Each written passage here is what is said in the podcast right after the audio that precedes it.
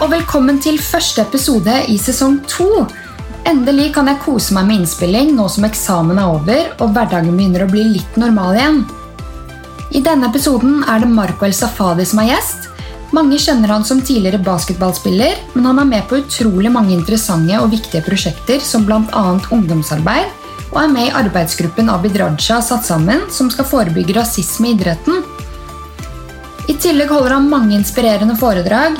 Ledelse og hvordan man skaper gode relasjoner på arbeidsplassen er noe Marco holder foredrag om, og det er det denne episoden handler om. Dette er det første temaet jeg visste jeg skulle ha en episode om da jeg bestemte meg for å lage podkast, fordi det er så utrolig viktig når man tilbringer mange timer på jobb.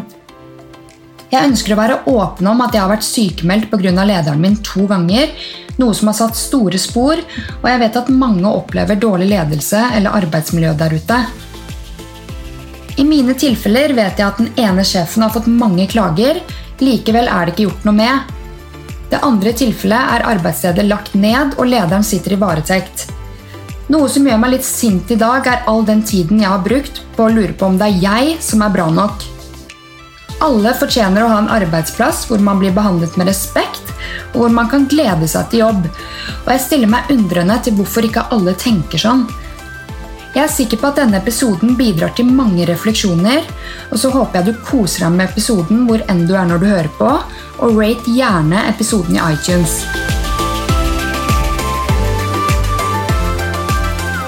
Velkommen så mye i studio, Marco El Safadi.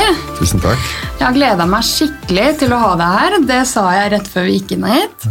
Eh, jeg kontaktet jo deg i fjor da jeg var på et litt sånn mørkt stadie i livet pga. dårlig arbeidsmiljø og ledelse og var sykemeldt pga. det. Ja. Eh, så gjorde jeg litt sånn research på nettet for å finne ut um, hvem er det jeg kan kontakte for å belyse dette temaet? For det er jo dritviktig mm. at man er litt bevisst på um, hvordan man er som leder, og hvordan man kan skape et godt arbeidsmiljø. Ja. Uh, men du har en bakgrunn fra å være tidligere basketballspiller, du har vunnet en del priser, um, og du er en etterspurt foredragsholder og holder foredrag som er veldig inspirerende. Uh, og I dag så er du relasjonshøvding og er involvert i mange ulike prosjekter. Jeg så deg senest i går på Sporten. Altså, Ja. Du er overalt. ja, det føles Så- kanskje sånn. ja. Uh, Men hva var det som fikk deg til å jobbe med kraften som ligger i relasjoner? Det tror jeg begynte helt siden jeg var barn i barneskolen, da jeg eh, ble obs på at jeg kunne sense hvordan voksne eh, forholdt seg til meg, og, og hvordan de følte. Eh, I mitt nærvær. Og det tror jeg alle barn kan. At de liksom senser at noen voksne vil meg mer vel enn andre, og noen liker meg ikke i det hele tatt. Og det skjer jo bare. Det er jo noe du plukker opp, og det er en sannhet et barn har, som ikke noen eh, har nødvendigvis fortalt deg. Det er ingen lærer som har sagt til meg jeg liker deg mindre enn den andre eleven, men jeg visste hvem som var favoritten, jeg visste hvem som var litt mindre favoritt, jeg visste hvem som var nøytrale. Det tror jeg egentlig hvis du spør folk fra sin egen skoletid, at alle kan plassere hvem den læreren hadde som sine favoritter, og, og den, den informasjonen har vi.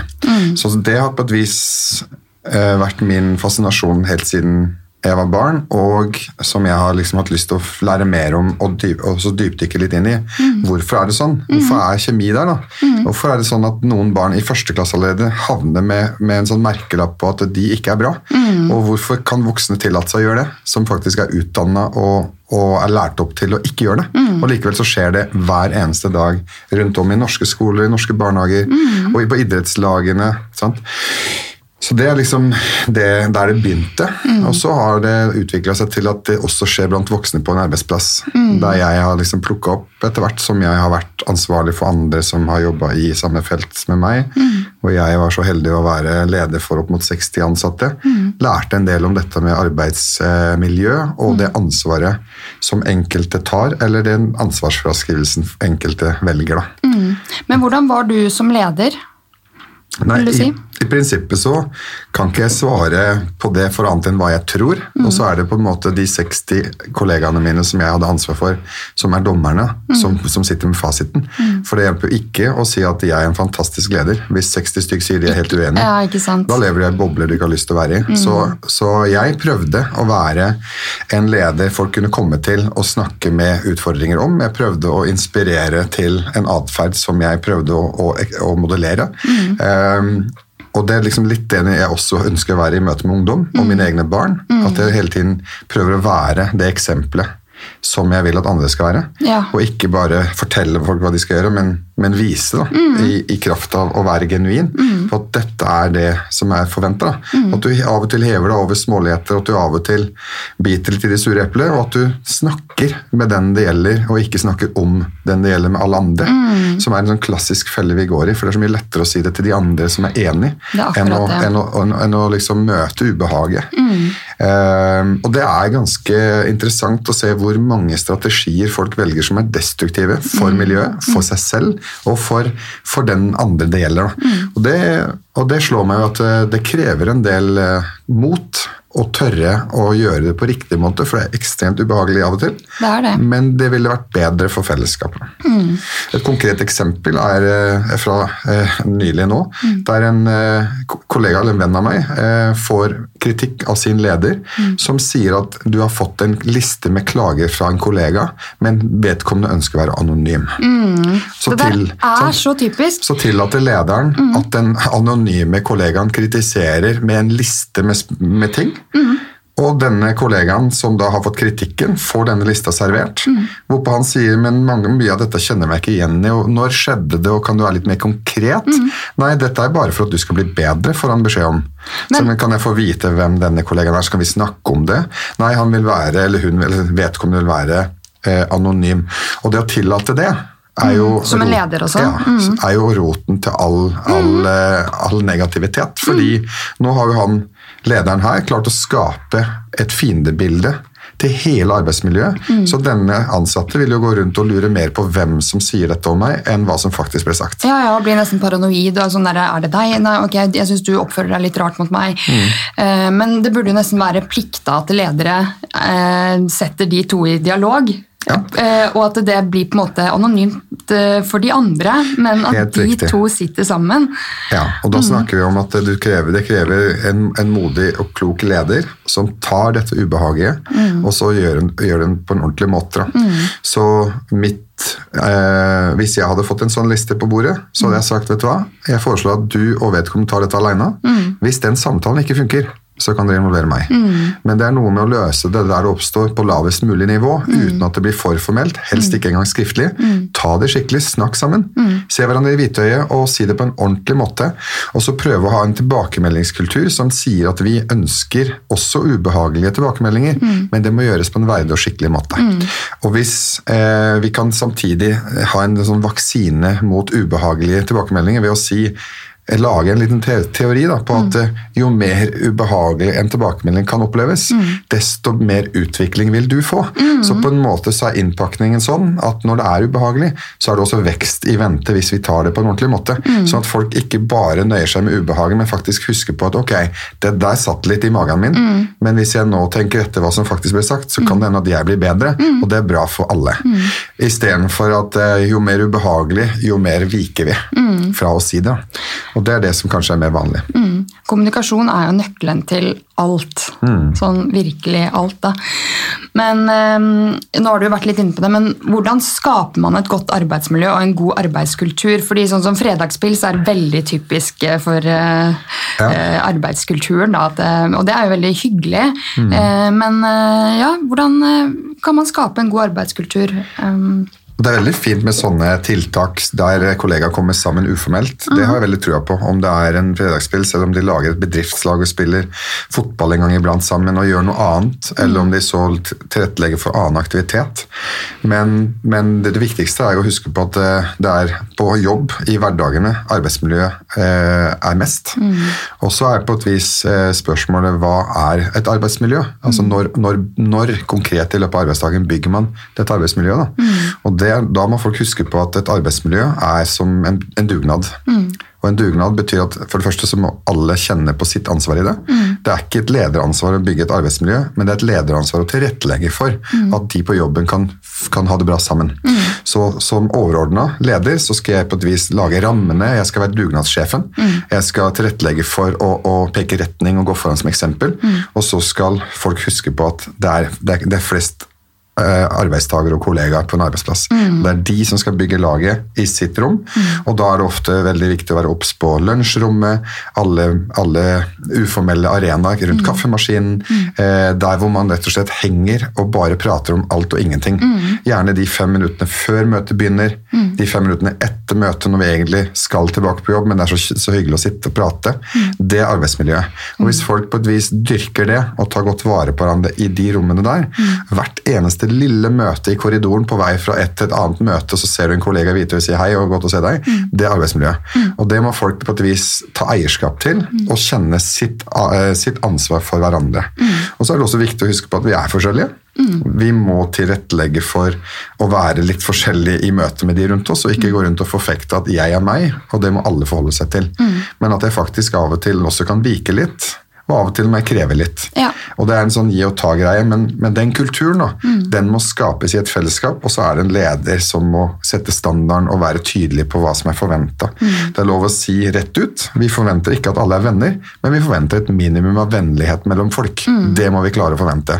Og at folk skjønner at jeg trenger ikke å like alle like godt, men jeg må behandle dem med respekt og med en verdighet når jeg snakker med dem. Ja. Og ikke tillate meg å være kjip mot de, fordi de liker jeg ikke, og de liker ikke meg heller. Så det er noe med å ikke la eh, et arbeid som vil bare være tilfeldig, og faktisk hele tiden ha en bevissthet rundt hvordan jobber vi med det, hvordan ivaretar vi det, for det er en kontinuerlig jobb. Da. Jeg tenker En arbeidsdag blir jo mye morsommere hvis du kjenner litt til kollegaene dine. Er litt nysgjerrig. Hvem er du egentlig på utsiden av disse veggene her? Eh, Men det jeg også har erfart, er at mange kommer på jobb og starter dagen med eh, «Åh, 'Jeg er så sykt sliten i dag', eller «Åh, 'Når er neste kaffepause?' Altså, liksom, de fokuserer på eh, ja, ikke arbeidet som skal gjøres. Jeg er jo sykepleier, så jeg snakker litt fra et helsevesenperspektiv. Mm. For der er det jo rapport og sånn, men det å starte dagen med eh, 'jeg er kjempesliten' eller begynner å klage over vekta klokka åtte om morgenen jeg synes, eh, Hvordan kan man liksom endre og motivere hverandre på starten av dagen til at dette blir en god dag? da?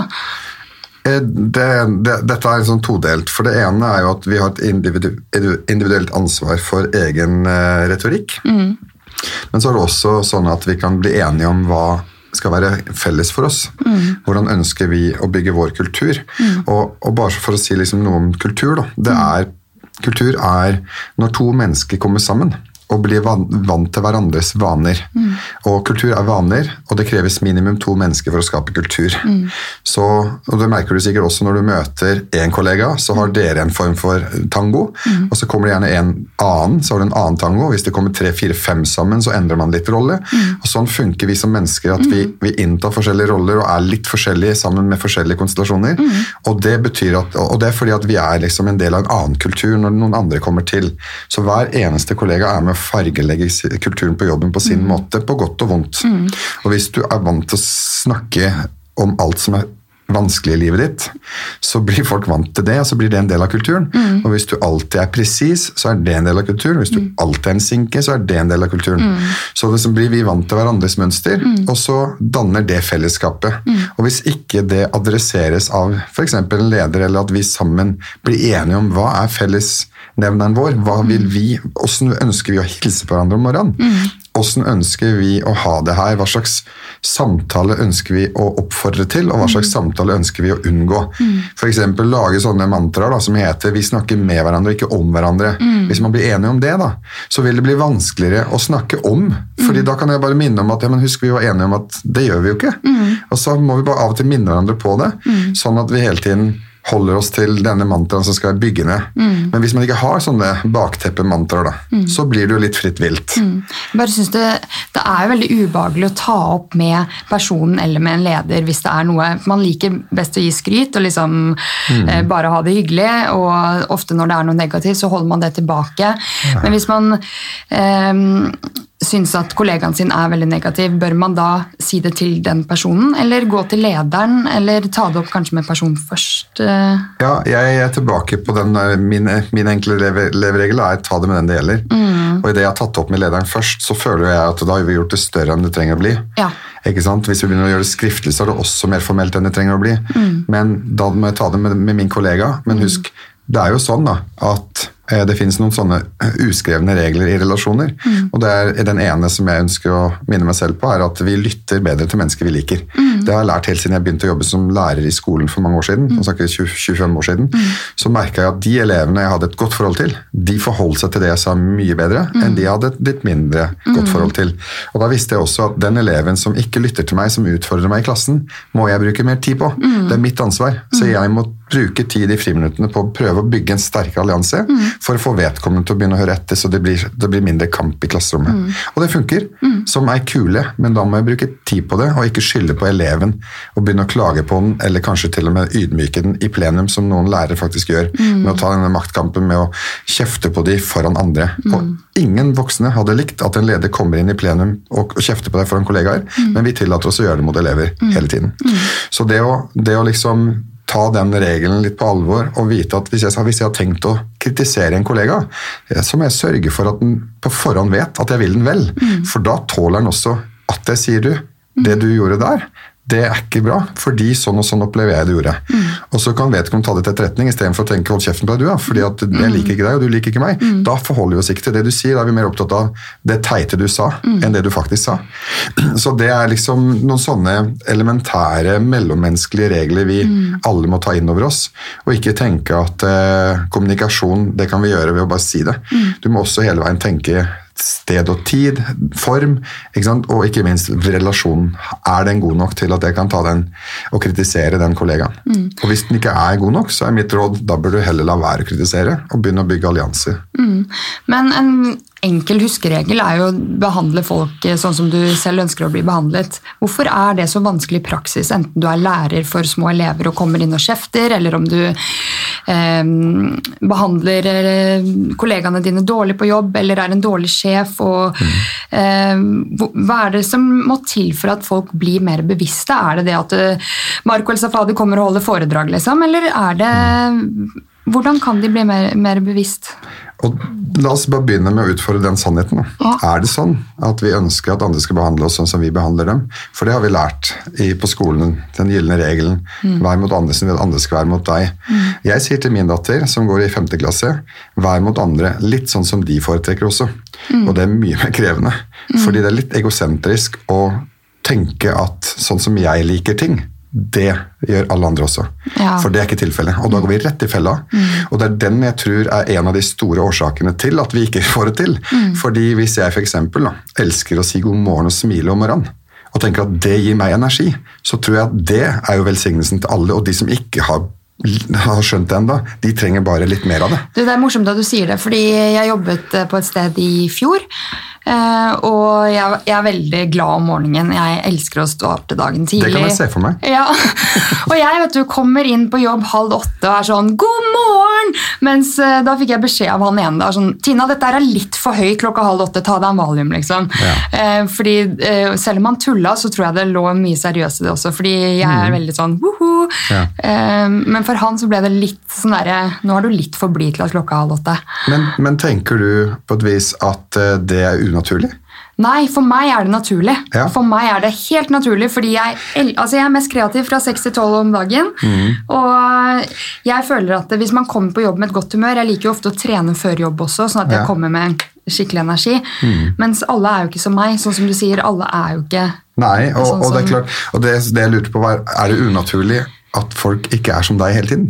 Ikke sant? Det er jo, dette visste vi jo siden vi var i barnehagen. Ja, det er sant. Så, så det er jo egentlig en selvfølge. Alle vet at ikke alle er som meg. Mm. Likevel så blir vi fortalt at alle er som deg. Ja. I, den, I den lille tesen om at vær mot andre som du vil at andre skal være mot deg. Så vi blir litt lurt av sånne mantraer som faktisk ikke stemmer. Da. Det sant. Og Derfor så tenker jeg at den fella går vi i, og jeg hører også i konflikter mellom kollegaer, der folk kan finne på å si hadde noen gjort sånn mot meg, så hadde jo ikke jeg reagert sånn. Jeg skjønner ingenting. Nei, og da tenker jeg, det. Der sa du det. Du skjønner ingenting fordi du velger å ta deg selv som utgangspunkt i, i alle andre sin reaksjons, eller sitt reaksjonsmønster.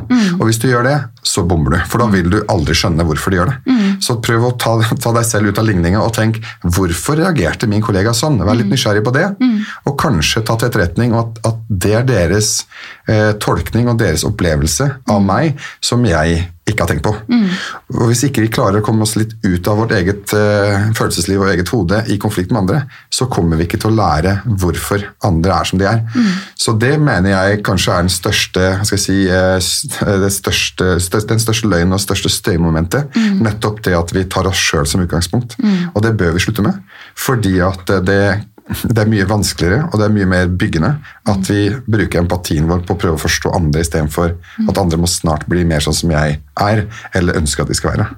Så vi går rundt og kan bli sykemeldt av at vi tror eller ønsker eller håper at kollegaer snart blir mer sånn som jeg foretrekker, sånn at jeg blir happy, istedenfor å faktisk lære seg å tilpasse seg andre.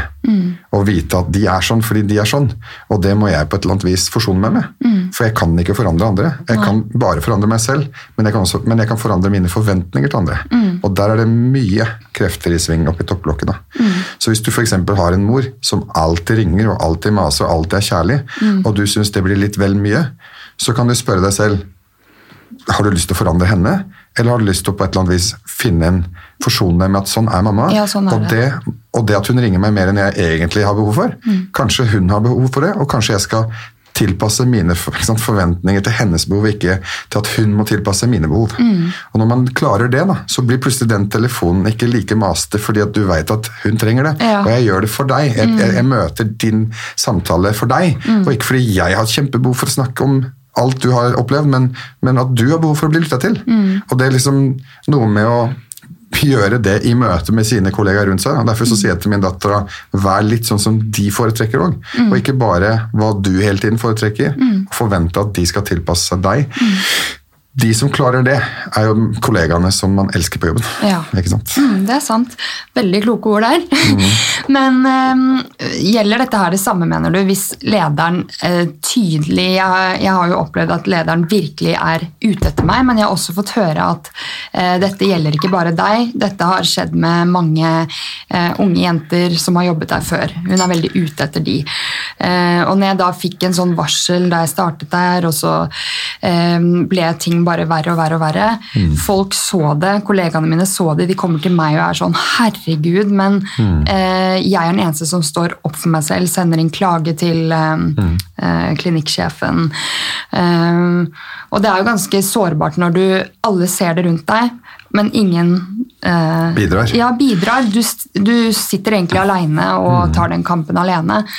Og tenk, Må man da tenke at eh, ja, men det er sikkert en grunn til at hun er sånn som hun er, eller har man da rett på å på en måte eh, gå til de som sitter høyest og eh, på en måte kjempe sin sak? Mm. Det er veldig sammensatt, nå vet jo ikke jeg detaljene i det som har skjedd, ikke sant? men det som jeg kan si, da, det er jo at det kan være flere aspekter av årsaker som ligger bak for hennes, henne, ikke sant? hennes atferd. Og da tenker jeg, Det ene er jo at alle mennesker går rundt med en historisk bagasje som er med og preger hverdagen og valgene i dag. Så det kan være at hun har noen typiske kamper hun kjemper med sine egne demoner fra historien, og som du har vært med å trigge. Og så har hun kjempa en kamp mot deg som egentlig ikke var deg, men så blir det personlig for deg. ikke sant?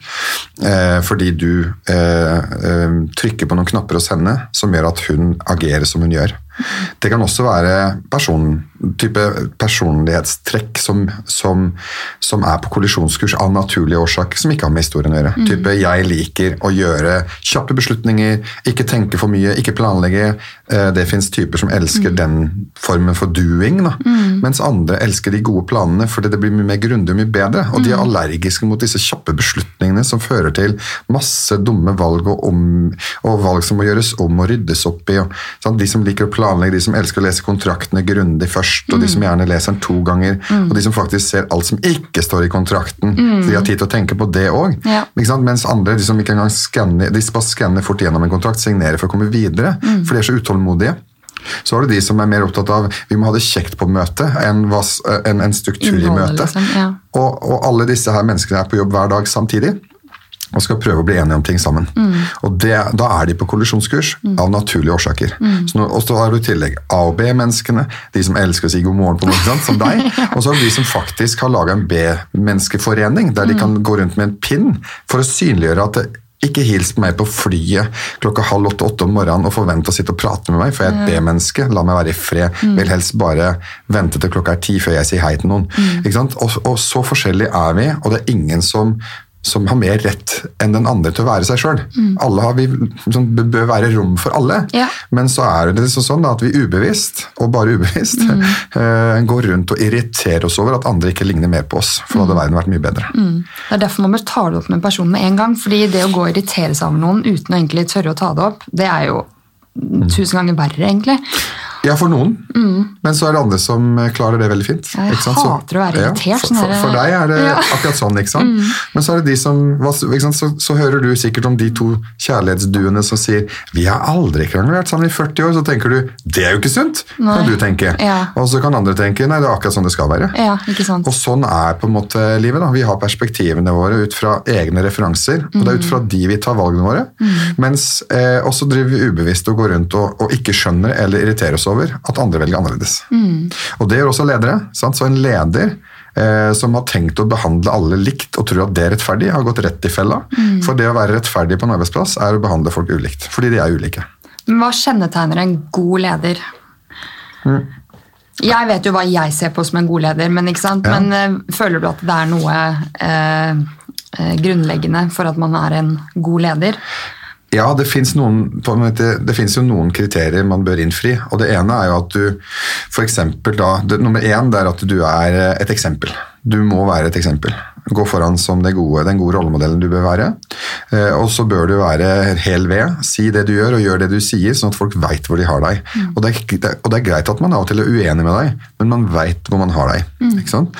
Så er det jobben som leder det er å lage de gode rammene og de gode, trygge strukturene for sine kollegaer og sine ansatte. Det er å være en leder som klarer å gi folk en følelse av verdi på sin arbeidsplass. Og, og liksom klarer å evne å se den enkelte på jobben. Og jeg, Mitt største eh, tips til ledere er bli kjent med staben din. Vit hvem som er hvem. Vit hvilke preferanser de har. Nettopp for at du skal klare å tilpasse deg. For det er også en viktig lederegenskap da, å tilpasse seg eh, de andres behov. For du er der for å serve dine kollegaer og dine ansatte, og ikke motsatt. Så det er en del sånne kriterier som må ligge i bunnen. Eh, og jobben min er jo hele veien å gjøre deg trygg, og det er også å hjelpe deg å vokse. da. Så min eh, ledelse, en god leder klarer jo da å hjelpe folk å yte litt mer enn de sjøl trodde. Sant? For ledelse handler jo nettopp om det, at jeg skal hjelpe deg å utvikle deg. Eh, og så er også gode ledere gode til å til å ta tilbakemeldinger og hjelpe seg selv å utvikle seg. Og som jeg sa i stad, ubehagelige tilbakemeldinger er ting vi vokser på, og det kan man velge å ta på en god måte, istedenfor å ta det personlig og bli sur og sint på en ansatt som kommer med en tilbakemelding som kanskje er berettiga. Så det er, det er mange aspekter her, og det er, du kan liksom holde på i mange timer, men altså, en god leder er også tydelig, og er også forutsigbar, og har også eh, en form for eh, retorikk som er forståelig, ikke sant? som kan tilpasses den enkelte. Og så er det veldig naivt å tro at når jeg har gitt en beskjed til hele staben min i et personalmøte, så har alle hørt det samme. Det kan man bare glemme. Man oppfatter ting ulikt, liksom. Veldig ulikt. Og så er jeg en god leder også obs på hvem er det jeg trenger å ta et ekstra, en liten sånn ekstra femminutters samtale med for å lande den beskjeden jeg egentlig hadde lyst til å formidle. For jeg, jeg vet at den og den og den og den kollegaen de har antageligvis hørt noe annet fordi han er en strateg, den personen er litt mer forsiktig, og den personen er litt skeptisk. Sant? Og så klarer man å, å liksom ha gitt en sånn felles beskjed, så tar man en liten sånn ekstra runde etterpå for å sikre at det jeg faktisk prøvde å formidle, blir oppfatta riktig. Så, så det tror jeg egentlig gjelder i all eh, dialog mellom mennesker. Det gjelder læreren i elevgruppa. Sant? Det er en haug med elever som trenger ekstra oppfølging i en undervisningstime. Og det samme gjelder treneren på et lag som, som gir en beskjed til utøverne. For det er noen som hører og blir inspirert av en setning, og så kan andre bli redd for å ikke nå opp til forventningene. Men det grunnleggende du har nevnt nå, det bør jo alle ledere eh, hvis vi skal være ledere, da, ha med seg, tenker jeg. Eh, fordi eh, dårlige sjefer er jo, eller dårlig ledelse er en av de største hovedårsakene til sykemeldinger. Mm. Og jeg syns det er dritflaut og et stort nederlag at jeg var sykemeldt pga. det. Fordi jeg er jeg, Det har du ikke grunn til. Det er bare irrasjonelt, men det er greit. Ja, jeg hører, jeg, ja men det er fordi jeg har alltid vært veldig glad i å jobbe. Jeg starta å jobbe da jeg var 14. Um, ehm, og når du da, Jeg har vært på flere fine arbeidsplasser før jeg begynte på en fast jobb etter sykepleierutdannelsen min. på en måte da. Mm. Uh, og når du på en måte du er så nedstemt pga. det som skjer på arbeidsplassen, at du, du vet ikke hva du skal gjøre, du går til legen, har en lang samtale, hva bør jeg gjøre? Ehm, du ender med sykemelding, og jeg, altså jeg, vet jo at siden jeg føler det sånn, så er det sikkert mange som også gjør det. Men, eh, og du mister kanskje mye selvtillit og selvfølelse i løpet av den tiden du er sykemeldt. Mm. Hvordan er det man kan bygge opp selvtilliten igjen? Ja, Det er et veldig godt spørsmål. og Før jeg går dit, da, så vil jeg bare normalisere det med en sykemelding. Fordi åtte av ti, ca. åtte av ti nordmenn bytter jobb eh, pga. et mistillitsforhold som har oppstått på arbeidsplassen. Enten i, relasjon til sin egen leder mm. eller i relasjon med kollegaer. Mm. Og når mistillit oppstår, så skaper, så, så skaper det en, en, reaksjon i oss som, som, som er personlig. Mm. Det blir et nederlag, og det blir en, en sånn lang mental vei å komme seg på jobb fordi man rett og slett ikke lenger føler seg ønsket eller føler seg nyttig. Mm. Eh, og føler seg mistenkeliggjort, og mm. det blir man dårlig av. Så da skjer det én av to ting. Enten så bytter man jobb før man blir sykemeldt, eller så blir man sykemeldt først, og så bytter man. Mm.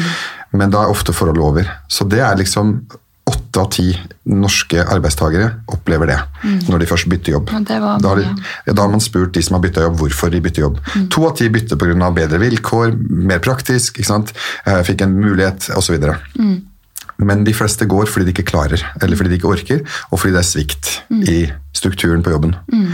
Og det er ofte lederansvar, men det er også kollegaer mm. som ikke tar sin rolle som kollega på, på, eh, på alvor. Mm. Eller svikter som kollegaer. Mm. For jeg sier jo til ansatte at din viktigste jobb på arbeidsplassen, er å sikre at kollegaene dine har det bra. Mm. Det er det viktigste du gjør. Det det. Før du begynner å jobbe med det du skal. Mm. Om du jobber som sykepleier, eller om du jobber med ungdom, eller om du er pilot, eller om du er, om du er uh, kokk, mm. så handler det om at laget må funke. Og for da leverer vi bedre resultater sammen. Mm. Og hvis ikke vi tar det på alvor, så kommer vi til å brenne oss ut på et eller annet punkt. Mm. Og så er det noen som tåler mer enn andre. Så, så er du sannsynligvis en person som har stått lenger i den kampen med din sjef mm. enn hva som er gjennomsnittet. sånn som jeg tolker det. Mm. Og likevel så går du ned i fortelling, for det er ingen som klarer det. Mm. Det er ingen som kan ha en sånn arbeidssituasjon og overleve. Da. Så du var dømt til å måtte gå. Og så er det på en måte veldig synd at du sitter igjen med skammen og nederlagsfølelsen når du egentlig ikke hadde sjans. Ikke du har ikke sjans til å lykkes på en arbeidsplass der, der, lederen din har valgt å ta en kamp med deg. Da er det bare én av to ting som skjer. Enten må lederen byttes ut, eller så må du byttes ut. Det jeg vet er at det er ikke gjort noe med det som eh, Hun har fått eh, klager før, da, men eh, det er ikke gjort noe med det. Og det er litt synd når eh, flere klager kommer inn, og mm. det er tydeligvis vanskelig å sparke eller gjøre noe med ja. det, er det, er vanskeligere å bytte ut eh, den lederen hvis den har vært der lenge, enn å bytte ut den nye unge ansatten. Mm. Som Men, sykemelder seg og etter hvert bytter jobb sjøl. Ja. Men så. det som er sårt, er jo det jeg nevnte i stad, at eh, kollegaene dine ser hva som foregår, de støtter deg bak ryggen, men de tør ikke å stå opp for deg. Samtidig, når du først blir sykemeldt, så er du vant til å liksom starte dagen, gå på jobb, men mm. du får plutselig mye tid til å tenke.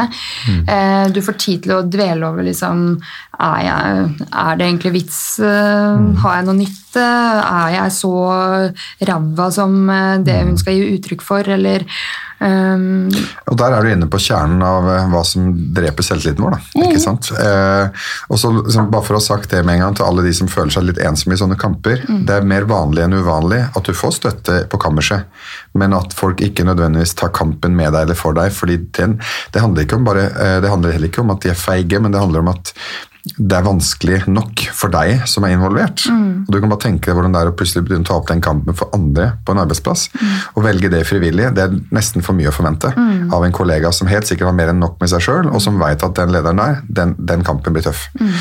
Så, så, jeg har opplevd det selv, å være den som, som snakker ut om en leder. Det være seg en, en trener som, eh, som hersker rundt med spillerne, mm. eh, eller, eller, eh, andre eh, ledere i arbeidslivet. Mm. Det er en utrolig krevende situasjon å, å, å, å stikke seg ut. Fordi da kommer stormen. Og så må du på en måte forholde deg til den kampen. Da. Eh, men det som er fint da, med å ta sånne kamper, det er at du er tro mot deg selv. Og selv om du ender opp med å måtte gå, så har du i hvert fall ivaretatt din egen verdighet. Det er akkurat det. Ja. Og da er det viktig at du søker støtte og hjelp, enten profesjonell hjelp hvis du trenger det, hvis det har vært for tøft, eh, eller at du søker god støtte i eh, trygge, gode relasjoner. Venner, foreldre, eh, søsken. mm. Mennesker du kan ha en god samtale med. Rett og slett for å sortere. Fordi hjernen vår er en muskel som har en tendens til å av og til bygge opp eh, destruktive illusjoner som vi kan dyrke, selv om de er helt usanne. Og Da er det veldig deilig at andre kan hjelpe oss med å avdekke det. Fordi at hjernen er en luring, som jeg sier til mine barn. Det Ja. prøver jeg å lære barna mine så tidlig som mulig. For det skulle jeg ønske at noen lærte meg mye tidligere. At hjernen vår lager sannheter som ikke er sanne hele tiden. Og det å av og til ferske seg selv eh, når man gjør det, og, og eliminere de dumme illusjonene bare med å avsløre de, så er de borte. Så vil man frigjøre seg fra mange ne negative, destruktive tanker. Noen er dritflinke på å gå ut av de tankene, mens andre bare liker å bli der. Eh, Ja. Ja. Og det er, og det er litt, av litt sånn, hva er hjernen din vant til? Og det er bare greit å vite at alle skjønner, liksom, alle som har drevet med litt trening, vet at å trene en muskel handler om antall repetisjoner for å bygge muskler. Type bygge biceps med å krølle armene med vekter i armen, eh, i hånda, eller eh, knebøy for å få opp lår og, og setemuskler og rumpe. Men det hjelper jo ikke å gjøre det én gang. Nei. Du får ikke en større muskel av å gjøre én repetisjon en gang og tenke at nå blir jeg kjempesterk. Nei. Du er nødt til å repetere sant, fire serier ganger tolv eh, repetisjoner to-tre ganger i uka i flere måneder. sant. Det har liksom vært hundrevis og tusenvis av repetisjoner. Mm. Og Sånn funker hjernen også. Når man spør liksom, hvordan trener du hjernen. da? Jo, du, ta, du tenker én tanke, og så gjentar du den tanken, og så Mm. gjentar du den, og så gjentar du den mange ganger i løpet av dagen eller uka. Og så gjør du det i flere uker og måneder. Og det som skjer da, er at du bruker den samme tankebanen igjen og igjen. og Da blir synapsen fysisk større i hjernen, sier hjerneforskerne. ikke sant? Ja. Og da har du fysisk trent hjernen gjennom tanker på å bli mer og mer automatisert. Og den tanken du har tenkt nok ganger, vil komme av seg selv uten at du lenger bruker bevisstheten for å få den fram. Som igjen betyr, hvis du har sagt til deg sjøl 'herregud, så dårlig jeg er', eller 'så dum jeg er', 'jeg kommer aldri til å få det til', 'jeg er udugelig'. Hvis du sier de tingene til deg selv nok ganger etter et nederlag, som er litt naturlig å gjøre, så vil de tankene manifeste hjernen din, Eh, ja. og så vil de komme helt av seg selv. Så kan det hende at du går der i årevis, og plutselig en dag så opplever du et nytt nederlag. Så kommer det andre raketten tilbake. For denne her retorikken den ligger der og har murra i årevis, og plutselig så er du like udugelig som du var for seks år siden. Fordi at nok et nederlag som egentlig ikke har sammenheng med hverandre, men som er helt likt for hjernen din. Da. Og sånn kan vi holde på og hva skal jeg si, grave oss sjøl inn i dumme, negative, destruktive tanker. Og hvis det har skjedd over tid, så tror jeg du trenger god profesjonell hjelp. Med, mindre, altså med mindre du har en veldig god venn som kan dette her. Det er det veldig få som på en måte Ja. har.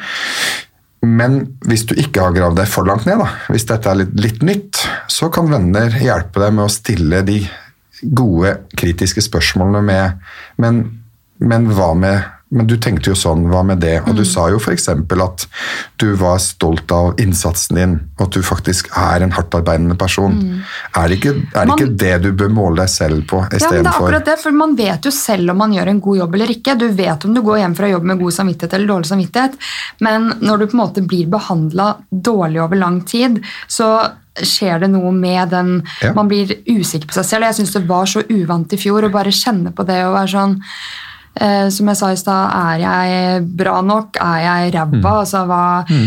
Men nå skal det sies at jeg var jævlig destruktiv i fjor. Sånn ekstremt. Det var da jeg skrev til deg. Ja. Ehm, men nå som jeg ser tilbake på det, så har jeg lært veldig mye av det. Ja, og, og det, og det er et godt tegn. Mm, jeg kommer aldri til å bare eh, tillate meg å bli behandla dårlig Mm. eh, på jobb, fordi man er der for å gjøre en god jobb. De fleste er jo på jobb for å gjøre en god jobb. Um, Mm. Ja, og når du kommer opp i en lignende situasjon nå, så har du sannsynligvis blitt eh, flinkere til å avdekke det før. Mm. Sant? Så du har en kompetanse på det. Men jeg kan ikke garantere deg at ikke det skjer igjen. Nei, at ikke det du får nok sier. Mm. en dårlig leder som kanskje er enda verre. Og kanskje går det enda en grad inn i denne kompetansen om konflikt. ikke sant? Hvem vet?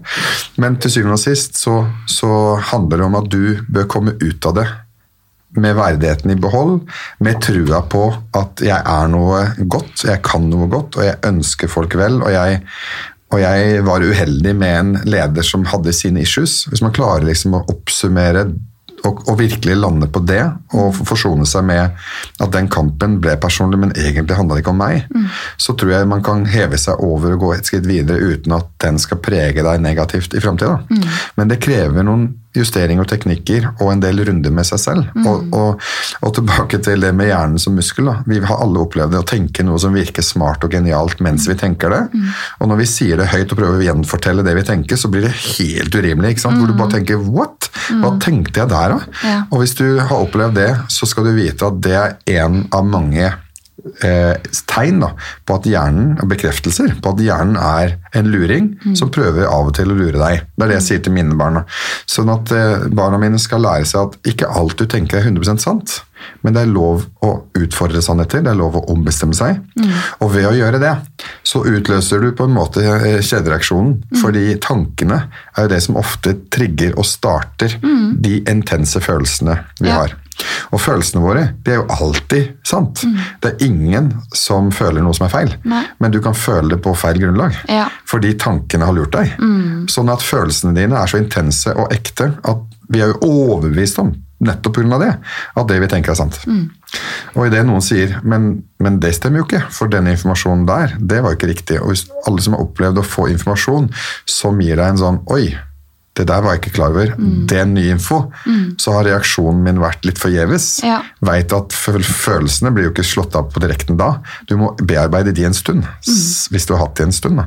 Sånn at hjernen er en ekstremt finurlig muskel som vi må være litt mer obs på. Jeg skulle ønske vi brukte mye mer tid i skolen på å snakke om det og lære barn at ja, jeg skjønner at du har opplevd sånn, men det kan hende at det er noen perspektiv du har glemt eller ikke fått med deg. Eh, så Som et eksempel da, så, så kom min datter hjem fra skolen i dag og var lei seg for at en gutt i klassen drev og dro henne i håret og sparka bein på henne eller dytta på henne i friminuttene.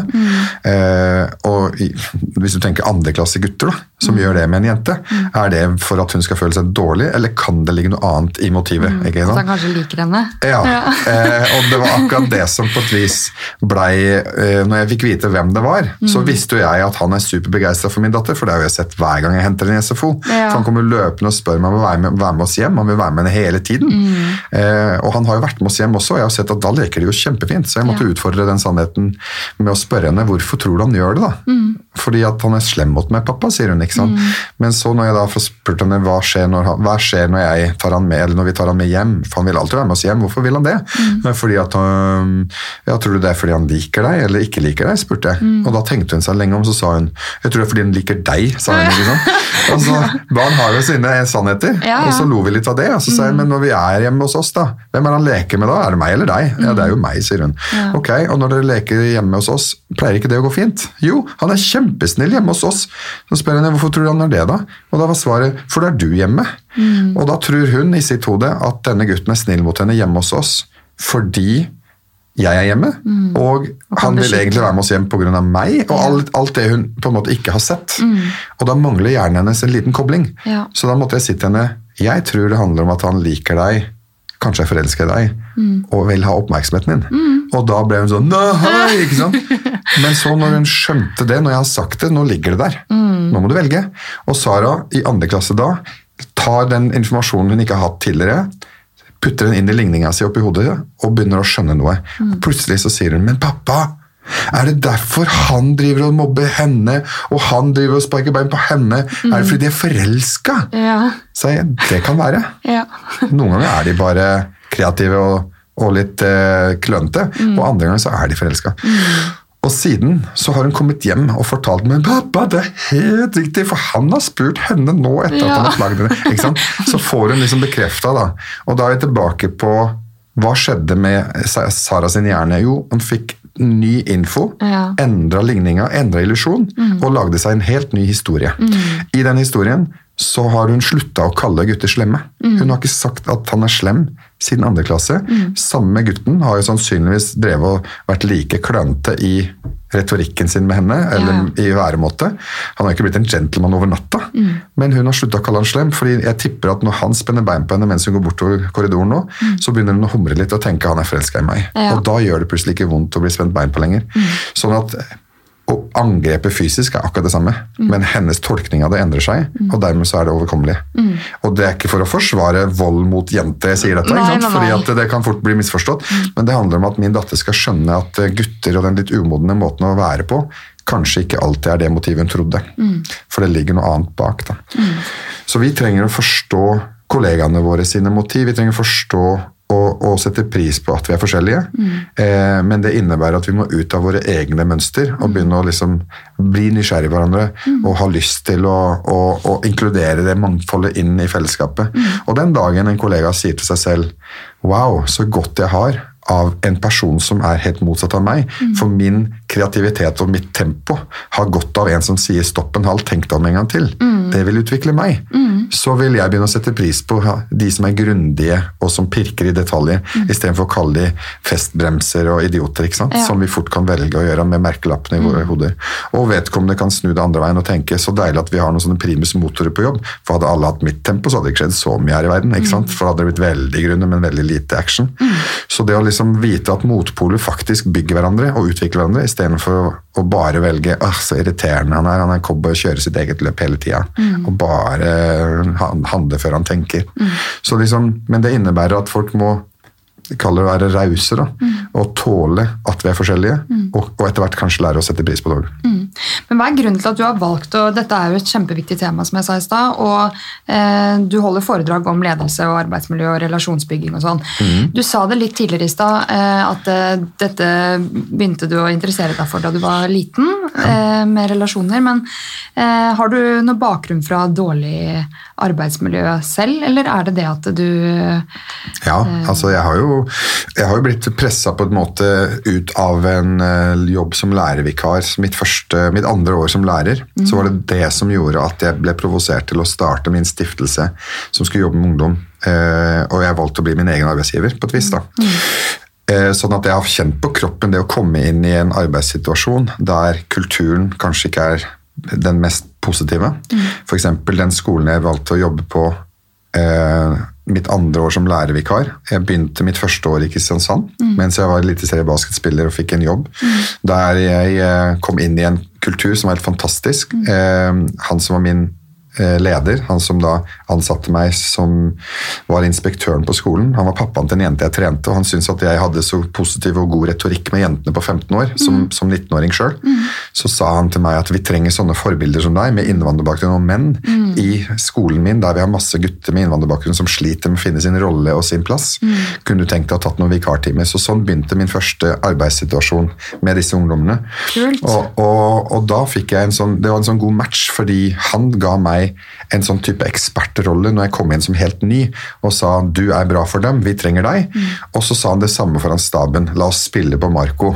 Du fikk forme din egen stilling, på en måte, da? Ja, egentlig før jeg visste det sjøl. Han ga meg et talent jeg ikke visste jeg hadde, basert på at du har god retorikk, du er tydelig med jentene, og det tror gutta vil trenge deg fordi de kan identifisere seg med deg. Um, og i tillegg så gjorde han meg god foran laget. Altså i, i personalmøtet så presenterte han meg på en måte der andre kollegaer som har jobba i mange år, og som har utdanning og som har helt andre erfaringer, kunne se på meg som en ressurs. Og der lagde han den regelen som jeg fortsatt følger, som heter her snakker vi med hverandre og ikke om hverandre. Her snakker vi med elevene og ikke om elevene. For vi ønsker å velge, altså vi ønsker å bygge laget. Så den kulturen var satt før jeg kom. Jeg ble bare en del av den og elska det. Og jeg ble jo henta ut av mine timer av og til for å gi andre lærere råd om hvordan de skal bedre ha dialoger med den eleven jeg, jeg klarer å fikse som de sliter med å få dialog med. Så kunne jeg gi dem noen sånne hensyn da. Og så, så følte jeg liksom at jeg var en kjemperessurs. og det var, Jeg hadde ingen utdanning som lærer. Jeg var basketspiller og hadde vært i militæret. Og nå tok jeg noen vikartimer. Og fikk bare flere og flere og flere, og liksom hadde en ganske omfattende stilling før jeg var ferdig det skoleåret. Og den referansen fra denne skolen eh, fikk jeg med meg videre til Bergen, og fikk jobb med en gang. Eh, men på den skolen var det en ikke sånn kultur. Tvert imot, der var det mye baksnakking av elever på lærerværelset. Der var det eh, mye baksnakking om hverandre som kollegaer. Og jeg satt der som ny, eh, altså ny lærervikar i en ny by med en, kultur, en sånn ukultur som bare var en del av kulturen. Som jeg adresserte, dum som, som jeg var, da, så klarte jo ikke jeg å holde kjeft. Så klarte jeg å adressere det i et personalmøte der jeg stilte spørsmålet om det er greit at vi snakker så nedlatende om disse elevene, som tross alt er sårbare, og som trenger oss som deres beskyttere. Og det å si det som ufaglært lærer og ny på en skole der folk følte seg kritisert, var nok ikke veldig taktfullt av meg, men, men det var det jeg tenkte var smart. Og det førte jo til at tre lærere til dags dato har kontakt med meg og syns det var inspirerende å være kollegaen min. Ja. Mens de fleste syntes at jeg var litt ufin og uspiselig. ikke sant? Og, og jeg spilte meg litt ut. Litt og litt og litt spilte jeg meg ut av det miljøet. Og på et punkt så fikk jeg elever som kom til meg i friminuttene og spurte er ikke du lærer, Marco? Og så måtte jeg si jo, hvordan det? Jeg skjønte ikke spørsmålet. Så kunne de si nei, nei min eh, klassekontakt sa at ikke du er ekte lærer. Stemmer det? ja. Og da har liksom kollegaer gått rundt og snakka meg ned Ja. hos For å heve seg selv. Ja, og Jeg skjønner jo ikke agendaen. Det jo, hva, hva- hva tjener du på å snakke Ja. en kollega ned foran ungdommer? Fordi for dem er du en lærer. Altså, du, trenger ikke, ja, du trenger jo ikke å ha gått på skolen for å bli kalt lærer, tenker jeg. da. Det er hvordan du er som person, hva slags verdier du har, hva du lærer dem faktisk. Og jeg regner med at eh, det du lærer dine elever, og til og med de på personalrommet, eh, gjør en, du gjør en mye bedre jobb enn det mange med treårig utdannelse gjør. ikke det aner jeg jo ikke, for det foregår jo så mye på skolene. ikke Mm. Men det som er interessant, er jo spørsmålet på hvorfor har en kollega behov Mm. for å snakke en annen kollega ned i påhør av elever? Mm. Hvorfor er det, hvordan, føler, hvordan kan du legal, eller forsvare det? da? Mm. Og det fikk meg til å liksom tenke, skvette litt og tenke wow. Mm. Og det kan jeg på et vis leve litt med. At kollegaer ser på meg som en trussel og ikke liker at jeg har et godt forhold til andre elever. Og jeg har alltid hatt et kjempegodt forhold til mine elever. Det kan jeg se for meg. Men så, når jeg da blir kalt inn på teppet av lederne, Mm. som ber meg engasjere meg mindre, som ber meg f.eks. slutte å gå hjem til de elevene som er ekstra sårbare, som jeg har en god dialog med, og som jeg samarbeider med foreldrene til, og som Mm. jeg begynner å få et resultat med, da. fordi jeg gir dem det lille ekstra. Og jeg var jo singel, jeg var ny i byen, jeg Mm. hadde masse tid på kveldene. Kunne bruke mye av tiden min på å gi dem litt ekstra, ta dem med på kampene i helgene, gjøre litt mer enn bare å være lærer på skolen. Eh, og noen av de elevene har jeg også fortsatt kontakt med, sant? fordi at de er voksne og, og, og ja, har blitt venner. Og jeg tenker at hvis det blir en trussel for lederne også, da blir det et problem. Ja. Eh, og det førte jo til at jeg ikke valgte å fortsette det året. Når jeg var ferdig det skoleåret, så ville jeg ikke ta en ny runde det året, eh, eller på den skolen, og valgte da å gå ut av skolen og begynne å jobbe med nettopp de sårbare elevene som jeg følte jeg hadde mest lyst til å hjelpe mens Ja. jeg var lærer. For jeg var vitne til at vi voksne i skolen har en tendens til å bli litt dårlige for dem som trenger oss mest. De som utagerer, de som sitter ekstra stille, de som avviser, de som vi rett og slett sliter med å nå inn til, er jo ofte de som har mest behov. Og det er en helt klar sammenheng mellom deres aggresjon eller deres sinne eller deres utagering og deres privatliv. Det er jo ingen ungdommer eller barn som har lyst til å ha det sånn. Nei. Men vi voksne da, vi har en tendens til å ta det personlig, mm. og dermed straffe de litt med sanksjoner. Type anmerkninger, kaster de ut av skolen i tre dager hvis de har gjort noe veldig dumt. Og, og istedenfor å hjelpe dem å forstå seg selv bedre og forsone seg med de de har vært i slåsskamp med, eller, men de blir utvist for å statuere eksempler ikke sant? Og, og lærer da at verden er nådeløs. Eh, og vi bruker det ofte som, som forsvar. Ikke sant? Ja, men de må jo forstå at sånn kan de ikke gjøre. Vi kan ikke akseptere vold. Nei, det er ingen som sier at du skal akseptere vold, men det er noen som sier at du skal prøve å lære barn å ikke slå igjen. Og du lærer ikke å ikke slå igjen ved å bli utvist. Det er ikke det du lærer av. Du lærer ikke å regulere dine egne, dine ege, ditt eget temperament ved å bli utvist og bli stempla med skam. det. Og det er det vi driver med fremdeles da, i norsk Ja. skole, istedenfor å virkelig hjelpe et barn i krise. da. Men det er jo folk som deg de, disse elevene trenger, eh, som ser disse behovene. Og jeg tenker det er utrolig kjipt at de har satt faste rammer på deg, at du har kanskje gjort for mye eller involvert deg for mye. Eh, Ja, altså Elevene trenger voksne som tåler dem. Det er, Ja. det, det, er det de koker ned til. Og ved å utvise dem, så har du samtidig sagt at det er du som er feil, og du må skjerpe deg. Uten nødvendigvis de riktige verktøyene for å klare det. Da. Sånn at eh, Når jeg har jobba med dette i 25 år, eh, og har jobba med de ofte mest ekstremt voldelige, de, de mest skada på relasjoner, de, de innesluttere som har lyst til å avslutte livet sitt, og som ikke orker mer. Og det, er jo liksom, det er jo samme oppskriften hele veien. Du må du må inn og bygge en allianse. Du må vise at du vil dem vel. Når ungdommene skjønner at du vil dem vel, så åpner de kanalen til å lytte til deg. De stoler litt og litt og litt mer på deg, og så vil de også begynne å ta inn det du prøver å gi dem av alternative tanker. Mm. Men, men, hvis ikke du har en, person, en voksen person som, som når inn, mm. så vil de heller ikke ha evnen til å ta til seg eh, det som blir sagt. Mm. Så, så, igjen, hvor godt liker disse elevene eh, lærerne sine, og motsatt, mm. er helt avgjørende for hvor mye kritikk de er villige til å ta. Så en annen leveregel som jeg følger, er jo at du kan være akkurat like streng og like kravstor som mm. relasjonen tillater. Mm. Og Det gjelder en leder på arbeidsplassen med sine kollegaer, og det gjelder en voksen som jobber med barn. Mm. Hvor mye tåler denne eleven eller denne gutten eller denne jenta av kritikk og massiv eh, konfrontasjon? Mm. Er det bare kvaliteten på relasjonen som kan avgjøre. Mm. Og da må du bygge i forkant. Relasjonsbygging. Det mm. er sentralt overalt, tenker jeg. Ja. Nå har vi jo nesten sittet der en time, da. tida går. Ja, tida går, og jeg, jeg, har jo 140 000 spørsmål, for jeg tenkte ja. Men uh, jeg tenker uh, du har jo mange prosjekter som du er involvert i. Ungdomsarbeid, nå er du med i en arbeidsgruppe mot rasisme i idretten. Mm. Um, men for at vi på en måte skal holde denne podcasten til arbeidsmiljø og ledelse, eh, mm. så tenker jeg at, vi, eh, at, jeg kan avslutte med mine faste spørsmål. Ja. Eh, selv om jeg egentlig kunne tenkt meg å sitte og snakke med deg i evigheter. Men livet skjer. Ja. så ja. Jeg har fire faste spørsmål som jeg alltid stiller gjestene som er her. Ja. Hvordan starter du uken best mulig? Jeg starter hver dag på samme måte. Eh, og det er ved å, å, minne meg selv på de tre tingene jeg ønsker å være takknemlig for hver eneste morgen. Mm. Og det blir jo en mantra som begynner å gå ubevisst av seg selv tilbake mm. til eh, retorikken inni hodene våre. Mm. Så vi kan jo utnytte den muskelen positivt. Og ved å være takknemlig, så utløser vi glede. Mm. Altså Ved å være takknemlig for de minste ting som du kanskje vanligvis ville tatt for gitt, så vil du utløse plutselig gleden ved å f.eks. ha kaldt vann i springen. Da. La oss mm. bare bruke et banalt eksempel. Mm. Som ikke er en selvfølge for folk, og det mm. vet vi jo, mm. men vi glemmer det.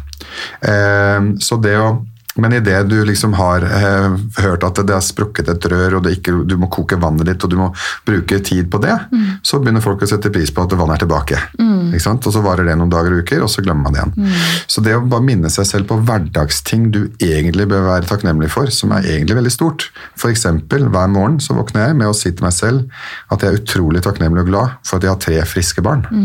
Og jeg veit at ikke det er en selvfølge for alle. Mm. Og jeg kjenner venner som har mista barn, som er det verste du kan oppleve. Mm. Og jeg må minne meg selv på å glede meg over at de er friske og raske mens jeg har de der. Mm. Så lenge jeg har de der. Og det er ingen garantier i verden.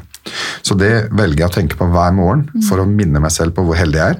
Så minner jeg meg selv på hvor heldig jeg er som er frisk og rask, og har en samboer som er frisk og rask. Mm. Og så minner jeg meg selv på hvor takknemlig jeg er for at noen vil ha mitt dagsverk av arbeid der ute. Mm. Så uansett hva slags jobb som venter, uansett hva slags oppgaver og hvilken omfattende reise jeg må ta mm. og foreta, så minner jeg meg selv på hvor deilig det er at jeg faktisk reiser. Om jeg så da, og er til nytte der ute. Ja, og at det er mm. ønsket. Mm.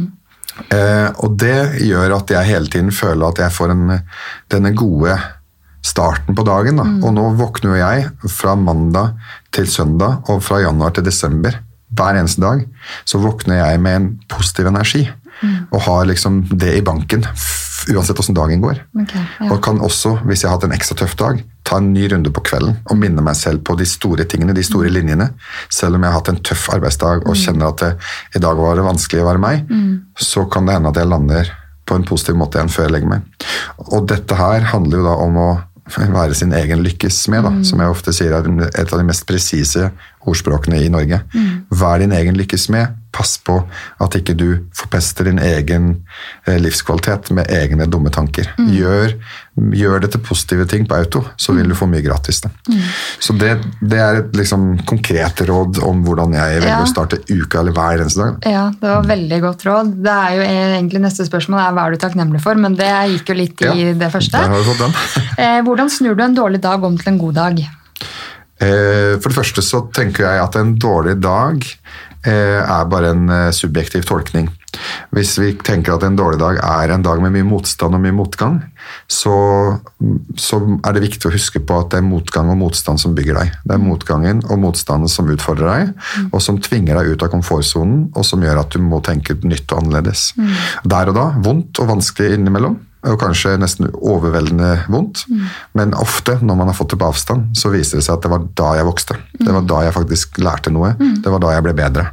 Og jeg tenker det er, det er, liksom eh, noe jeg har lært meg, å slutte å dømme en dag til å være dårlig svart eller hvit. Det er liksom Verden er en prosess, eller livet er en prosess.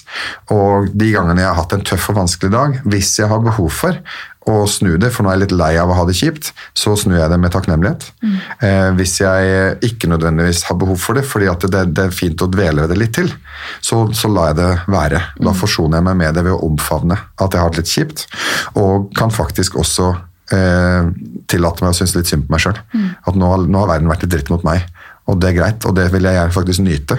Og da mm. gjør jeg det som jeg vil med det. Mm. Alt fra å dyrke det litt den dagen, og det er lurt å ikke dyrke for lenge av gangen, mm. for da blir det en automatisert greie. Tilbake til. Men det er lov å ha en drittdag, og, og, ikke prøve å snu den. Altså, Det er helt greit, det òg. Og bare omfavne det. Sett deg ned i sofaen, syns synd på deg sjøl. Spis det du har lyst til å spise. Se den serien du har lyst til å se. Gjør det du liker. Gå i naturen, hør musikk, og syns synd på deg sjøl, og syns at livet er dritt. Mm. Og nyt det òg, ja. på en måte. Og ikke mm. for alt i verden hele tiden være positiv, mm. for det kan du bli helt utmatta av. Da ja. blir man jo gal. Mm. Det prøver jeg ikke å være. For jeg har lyst til å være med liksom ned på nedturene innimellom. Ja, ja. Og bare tenke at det er en del av det. Mm. Og det gjør ikke noe. Eh, og da kan det til og med hende at jeg avlyser en sosial event, for nå har jeg lyst til å synes synd på meg sjøl. Eh, uten å forklare for mye. Er, nå har det vært litt mye. Jeg blir hjemme i dag. Mm. Eller jeg dropper den aktiviteten. Mm. Og det er en sånn Ta vare på deg selv da, og være litt egoistisk i sånne situasjoner. Mm. Det er ikke feil. Mm. Og så må du opp igjen. Og bli med på vei opp. da. Ja. Du er så klok. Ja, takk. Nei, jeg har levd litt, og jeg tenker at jeg tror alle kjenner seg igjen i at det er jo litt deilig å få lov å surmule litt innimellom. Ja. Men ikke gjør det hver dag, og ikke gjør det flere dager i uka. Nei, veldig sant. Mm. Eh, så er det siste spørsmål. Hva inspirerer deg? Mennesker. Jeg blir kjempeinspirert av mennesker, av, av, å snakke med mennesker, av å se hvordan de løser sine utfordringer eller sine, hvordan de løser sine liv. Mm. Eh, ungdommer som jeg snakker med, barn som liksom har catcha noe, som kan stille et spørsmål som voksne har glemt å spørre om, mm. eh, som jeg elsker å, å, å, å, være en del av. Mm. Jeg har en sønn som heter Noah, som er fem år, som har stilt noen spørsmål som er sånn, nesten sånn skremmende.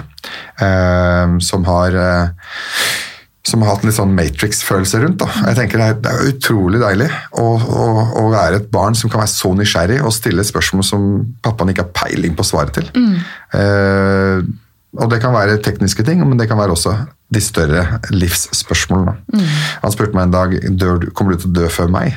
Ja. Og så svarer jeg det er naturlig at jeg gjør, mm. for jeg har levd lenger. Mm. Og da er det naturlig at jeg dør før deg. Mm. Og spør han meg rett ut kan vi dø sammen. Åh, ja. Og da, kan, da, svarte jeg at det, det vet jeg at du tenker er fint nå, mm. men når vi har blitt så gamle, eller når jeg har blitt så gammel at det er min tur til å sovne inn, så har du også blitt ganske gammel, og kanskje har du egne barn eller barnebarn. Mm. Og da har du kanskje lyst til å være sammen med de.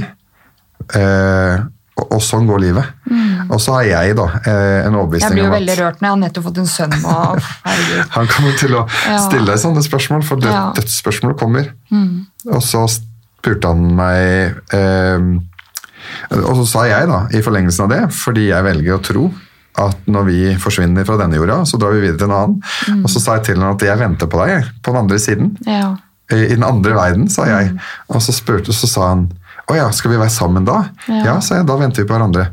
Og da sa han men har du vært død noen gang? Ja, ja. Og så tenkte jeg hæ, nei, nei, det har jeg jo ikke. Hva tenkte du på da? Så sa han å, er dette den andre verden? Å ja, ja. Det er så store spørsmål. Ja. Du sitter der og bare Hva skal jeg si? Og, og da sleit jeg litt med å tenke ja, kanskje det er det. Jeg vet ikke. Ja. Jeg aner jo ikke. Jeg, det er ingen som vet. Dette Nei, det, er jo ikke vitenskap. Men, men, det der er veldig smart spørsmål. Eller, mm. eh, fordi jeg har mange ganger tenkt er dette mitt tiende liv? Er det første livet mitt? Man vet ikke, men det er viktig å nyte her og nå. Det er mange som har mening om det, men jeg, igjen, vi lager våre egne historier og hva gjør deg lykkelig? Mm. Så jeg, eh, jeg, blir inspirert av eh, sånne gode samtaler. Jeg blir inspirert av mennesker som, eh, som viser at de overkommer sine utfordringer eller kan dele mm. sine erfaringer. Jeg blir inspirert av positive prosesser da, som bringer folk sammen. Og det er også grunnen til at jeg er overalt. fordi at jeg føler at der er jeg med og bidrar til noe, og der er andre med og bidrar til meg og min vekst. Eh, når jeg hører på hvordan de har håndtert sitt liv. Da. Du, det var skikkelig fin eh, episode, syns jeg. Eh, Jeg sa jo til deg at eh, det er denne jeg har gleda meg mest til. Og så No veldig- pressure, liksom. Ja, til dere andre. Nei, men jeg syns det er skikkelig hyggelig at du har tatt deg tiden. Du er en kjempebusy mann, og det at du liksom velger å komme hit, jeg setter skikkelig stor pris på det. Det skulle bare mangle. Takk for at du ville ha meg her. Jo, og tusen takk for at du kom. Takk for det. Ha det! Ha det.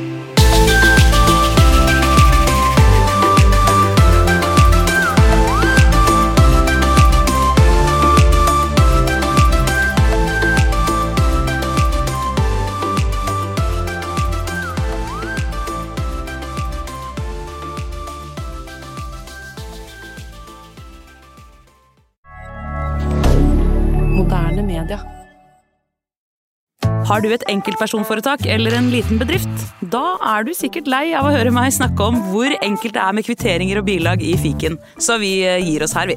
Fordi vi liker enkelt. Fiken superenkelt regnskap.